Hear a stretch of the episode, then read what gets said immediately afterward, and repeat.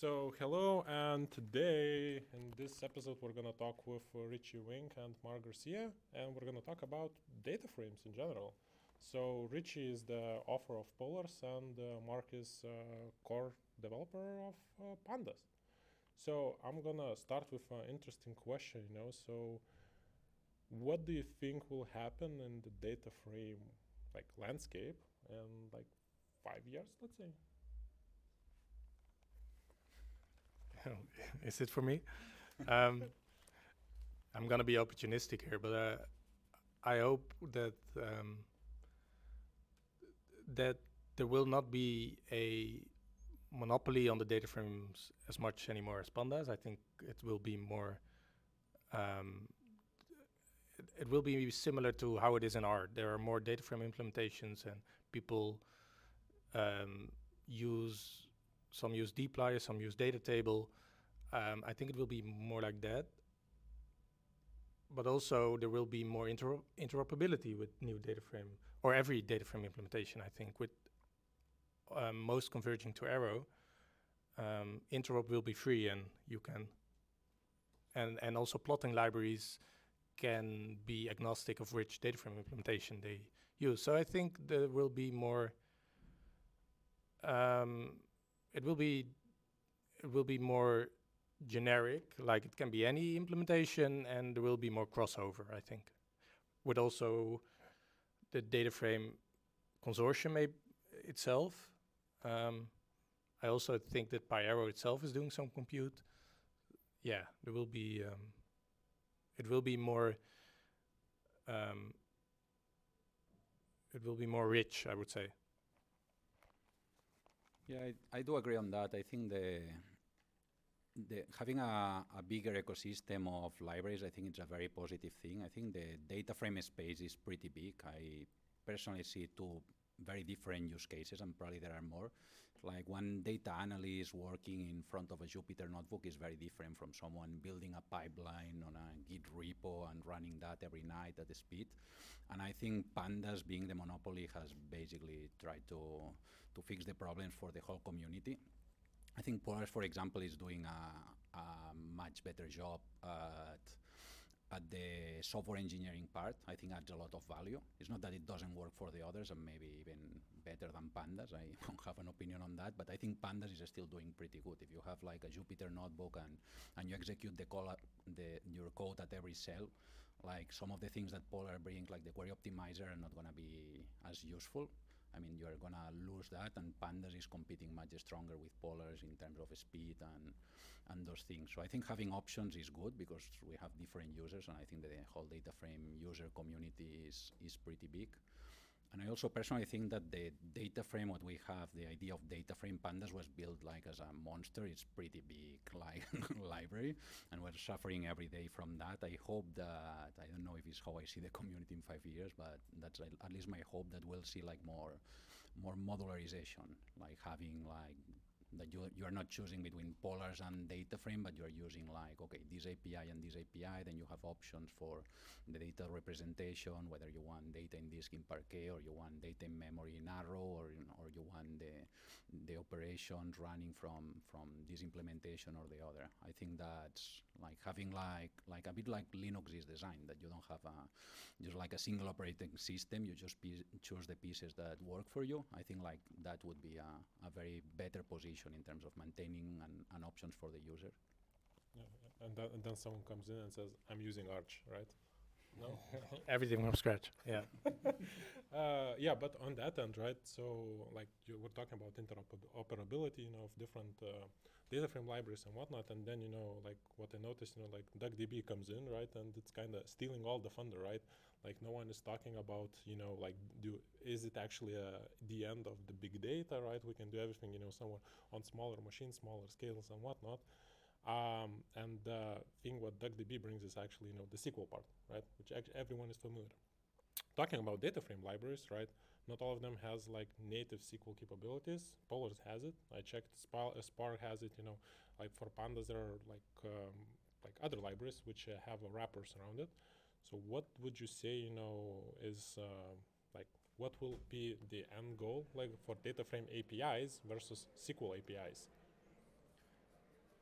I'm gonna answer this one as only for the Polars head. I don't know how I would answer it more generic for the data frame landscape itself. But for Polars, um, the SQL front end makes a lot of sense. We're like we are basically just a query engine, and SQL is a very natural um, front end on top. And we make huge leaps with that this year. The, the, the amount of SQL support we uh, have uh, increases every week, and I think we can be full SQL compliant end of this year, maybe.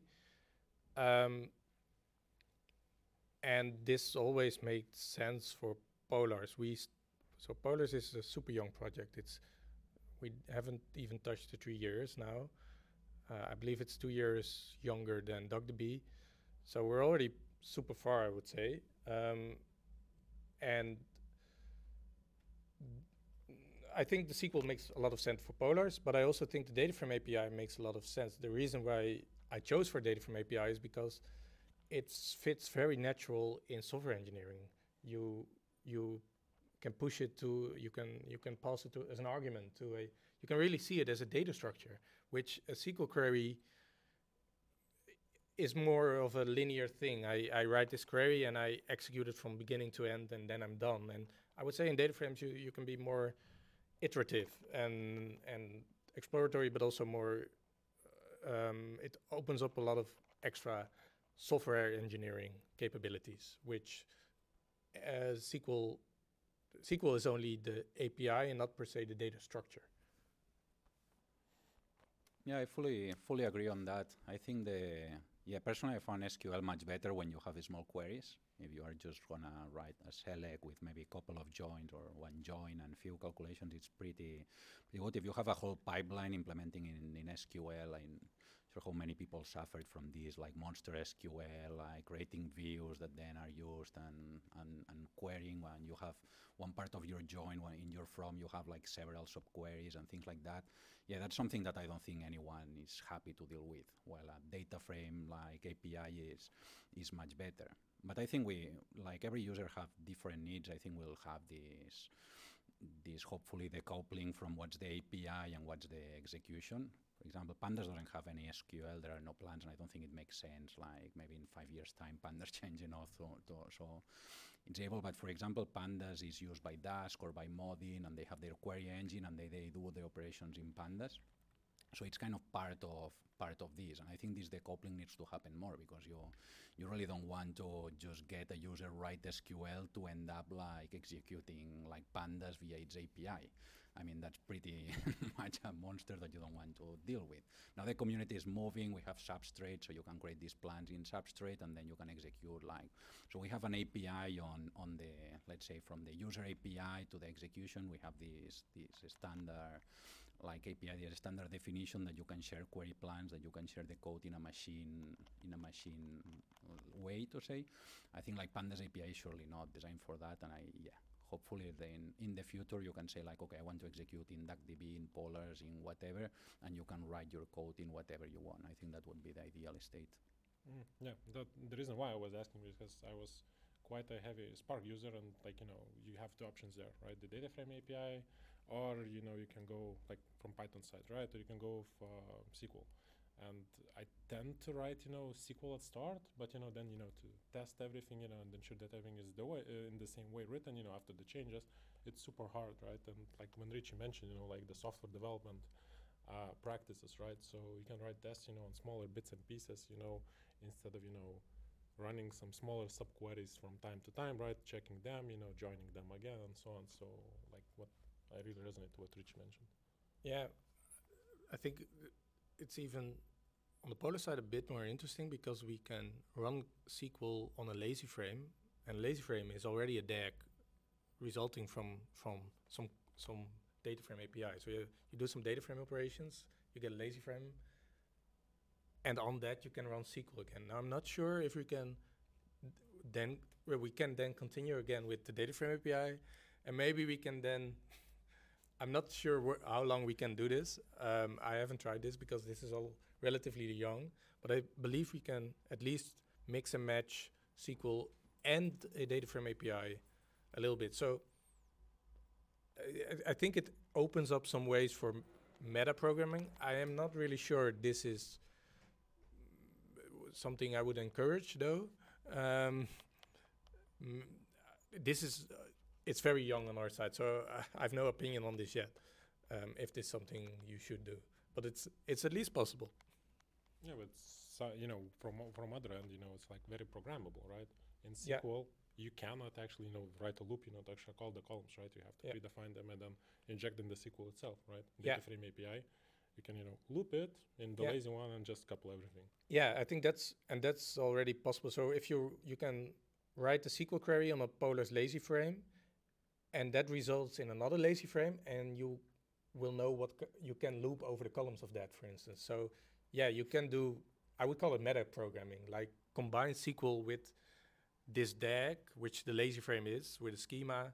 It's a promise of a computation, which also has information which you can get out and make new decisions upon. So you can you can write logic that uses that information to modify the DAG again. So yeah, I think there's cool possibilities, um, which opens up really strange things. For instance, one example is I heard of a user who uses Polars to do finite element computations.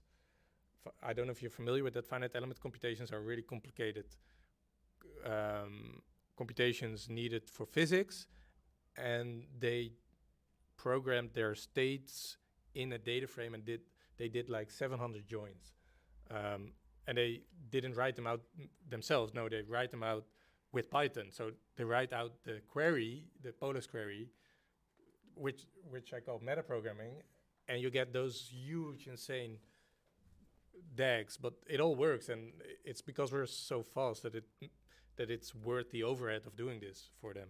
But yeah, you get you get exotic things. Uh, I think. Yeah, talking about exotic things, uh, Marc, do you know any examples, you know, where pandas were used in, you know, some interesting ways? And we ran a poll a few years ago, and yeah, I think pandas is used in any possible way. I think pandas is pretty pretty big, like for good and for bad. I think the last time I checked, we had something like two million unique visitors in our website per month. So yeah, I don't I don't know. I know the ones that I that I use. I don't know anything that's super fancy, but yeah, I, I imagine that literally everything. For example, we have some some grants because pandas is used in biology. That it's something that I was I was kind of surprised. I was not like expecting directly like to be applications on biology also when a few years ago i think it was three four years ago there was this black hole image the first black hole image published like the researchers like like cited pandas as one of the tools they were using so it's again like oh wow really they're using pandas for that so so i think we have like plenty of use cases and and yeah i think like being a generic library that you literally kind of like somehow a spreadsheet on steroids is is like I would guess like Excel is also used in any possible way. like- it's probably just like Excel everywhere.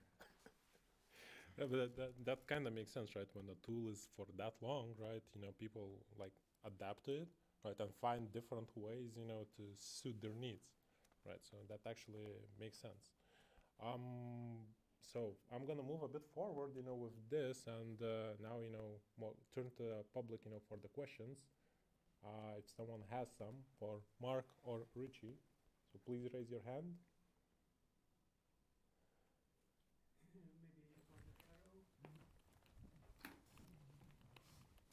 So the arrow was mentioned so many times that it seems to be like like everyone is going to use this. Is this like solid trend, or after a few years we will see a switch to another technology or something else gonna happen? Yeah, that's a very good question. To give a bit of context, like Pandas, probably you know about that, was created, I think, like 15 years ago by Wes McKinney. Wes McKinney has not been involved in the project for a long time, and one of the reasons is, well, he moved a bit, like did some other stuff, but for, for many years now, he's been working on, on Arrow. He's one of the founders of Arrow. So he literally see all the problems that Pandas was having and saw that Pandas itself couldn't solve those. And actually didn't make sense to Pandas create like a great in-memory representation and that like ignoring the rest of the community because Aras is pretty much like internal for, for the user, let's say, the experience for the user is very different whether you're using R or Python or PySpark or Julia or many other things. Internally, it's pretty much the same. Like what's going on under the hood is pretty much the same. You're saying like, okay, I have some data in memory, I have this column, and I want to add one one to this whole column and it doesn't really matter what you are how you're expressing it if it's sql if it's julia it's python and that. So so finding this need basically like wes mckinney with with other people coming from i think some from and i guess from other backgrounds they started apache arrow. That's why the arrow adoption is pretty big because it was designed with for the whole community in mind saying like okay you have a data frame and data frame is this definition of like a table where every column has the same type. It's like somehow the same concept when you have this and you want to have it in memory, basically there is no reason why every library should have their own representation because there should be representation. That being said, I think like Arrow is surely not perfect, like as not all it is. It's kind of new, it's few years old, and I assume like in the future we'll have something probably like uh, an improvement on Arrow, probably coming from Arrow itself, from the project itself, because I, as far as I know, the management of Arrow is pretty wide and representing different point of views.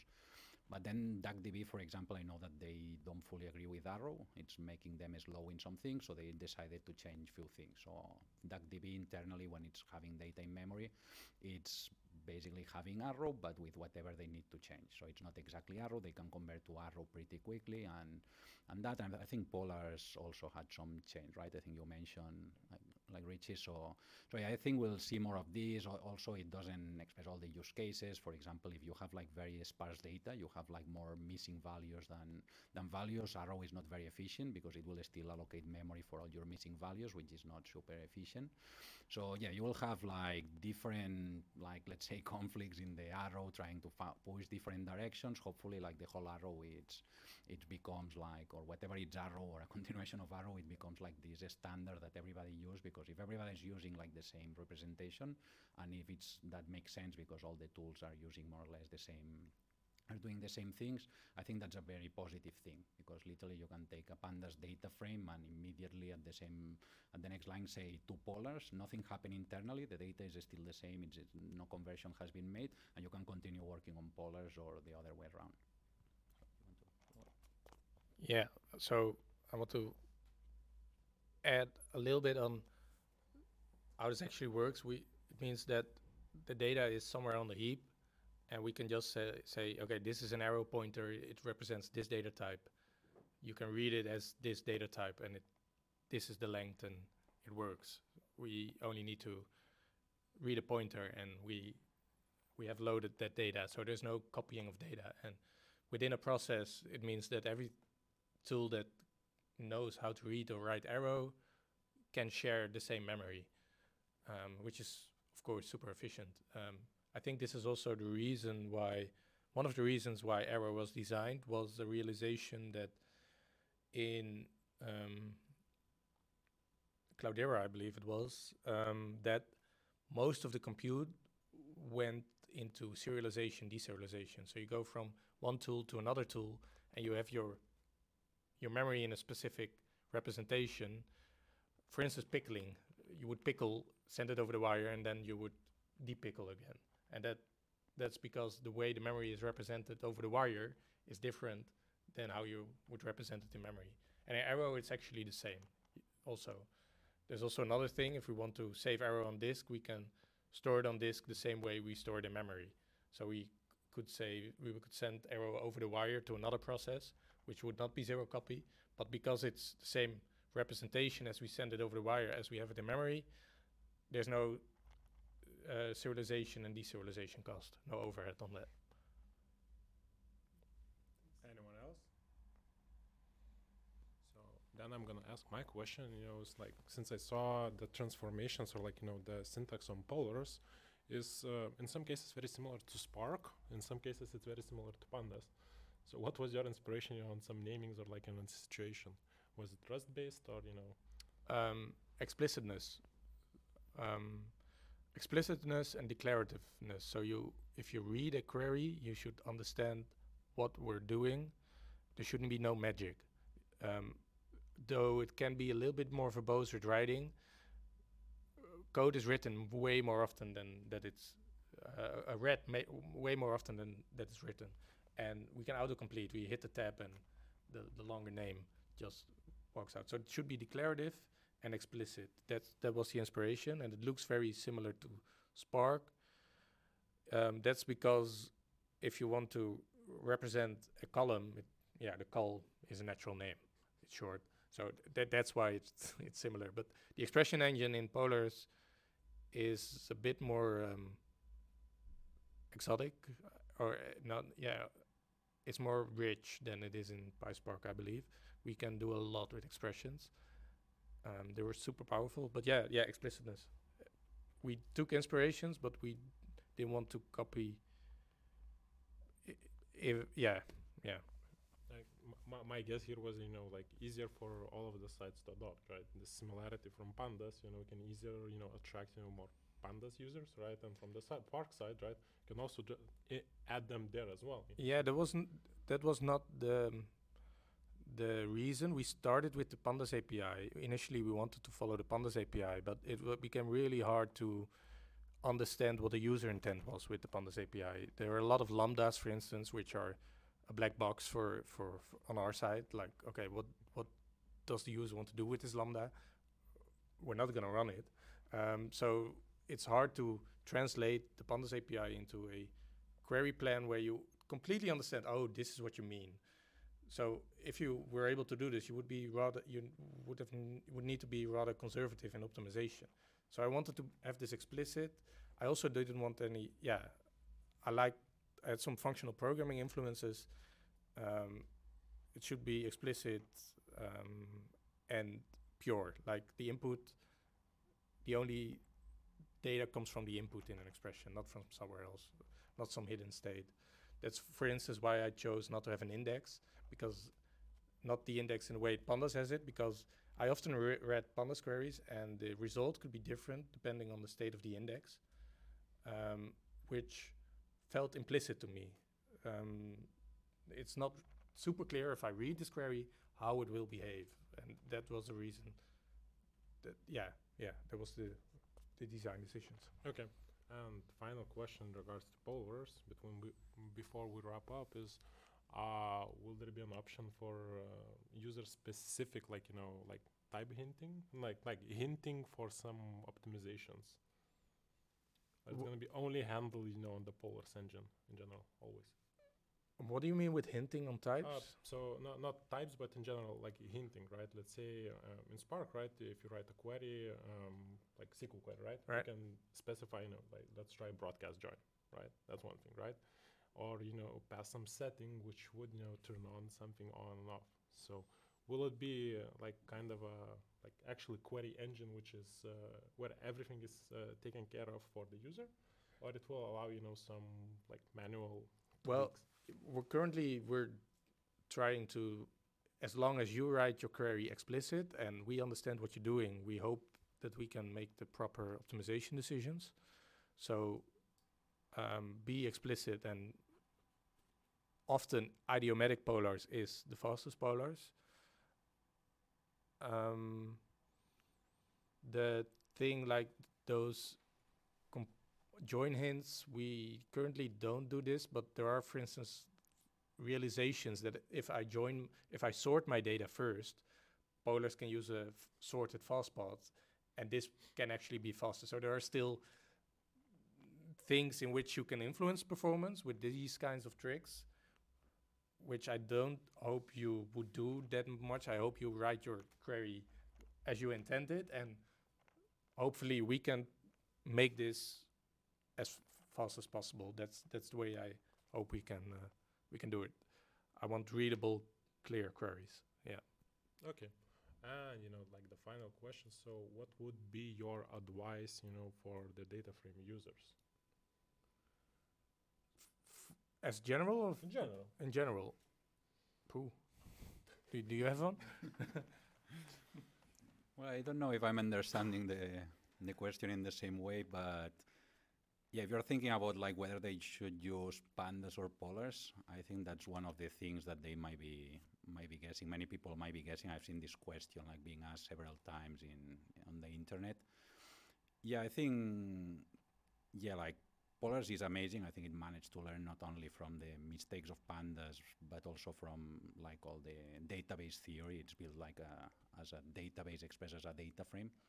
I think that's very different from pandas. Pandas history, besides being like a pretty old project, is like 15 year old. It was designed as a as a tool for finance mainly. Pandas, not many people knows, but the the name pandas doesn't. Well, it's a playing with words, but it comes from panel data. It's no more than the the animals. And panel data is something that was deprecated like like many many years ago. That it was a three dimensional structure. So the the whole concept of pandas, the indexing is something that many people in the core team, I would say, like including myself, I would question. I don't know if I would immediately remove it, but it's something that if we had to start from the beginning, the same as the as the API, I I fully agree, and I think that's controversial for what I said. Like there are different users, and different users have different needs, and I think some users love the Pandas API. I think if you're not that much of a person with software engineering background, I think like like you tend to to love it more. You have the use df object, and you know that you you get like thousands of things that you can call on it, and makes your life pretty easy. If you're from software engineering, it's pretty annoying. I think it's like it has many different things. Also, the naming, it's a bit like not sure if it's come more from the financial background. And Pandas is not in a position that now it's gonna change much because the users, we assume that they prefer the stability. Like so many people have been teaching about Pandas, learning about Pandas, and if we start changing everything at every version, it would be like a very poor job that we'll be doing for our users.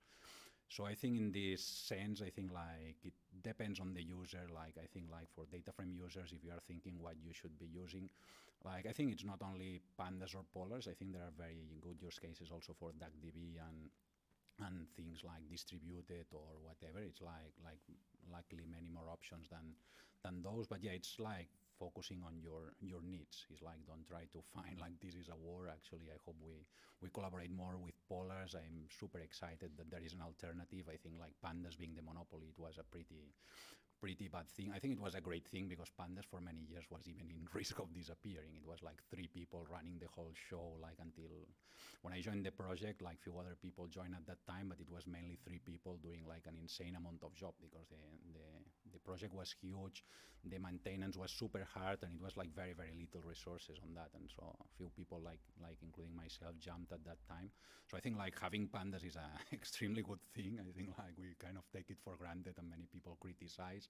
But I think it's super good that we had it until now. I think it's super good that now there are alternatives. I think pandas is gonna stay for for the long term. I think like I don't see pandas going even if polars and many other tools are much better in many ways. I think like like if you are starting a big project and you want API stability, you want something tested by millions of users, yeah, use pandas. I would say probably.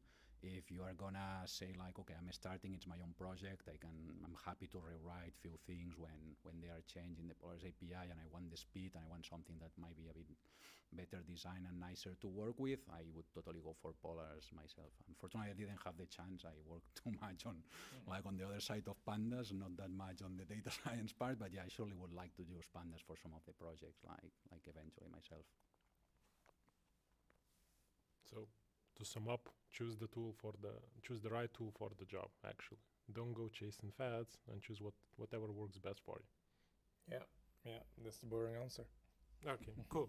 so thank you for uh, speaking with me. It was a pleasure, you know, to talk with you guys about uh, polars and pandas, and hopefully for the audience, you know, it was uh, nice to hear these things as well. And uh, have a nice day. Thank you. Thanks.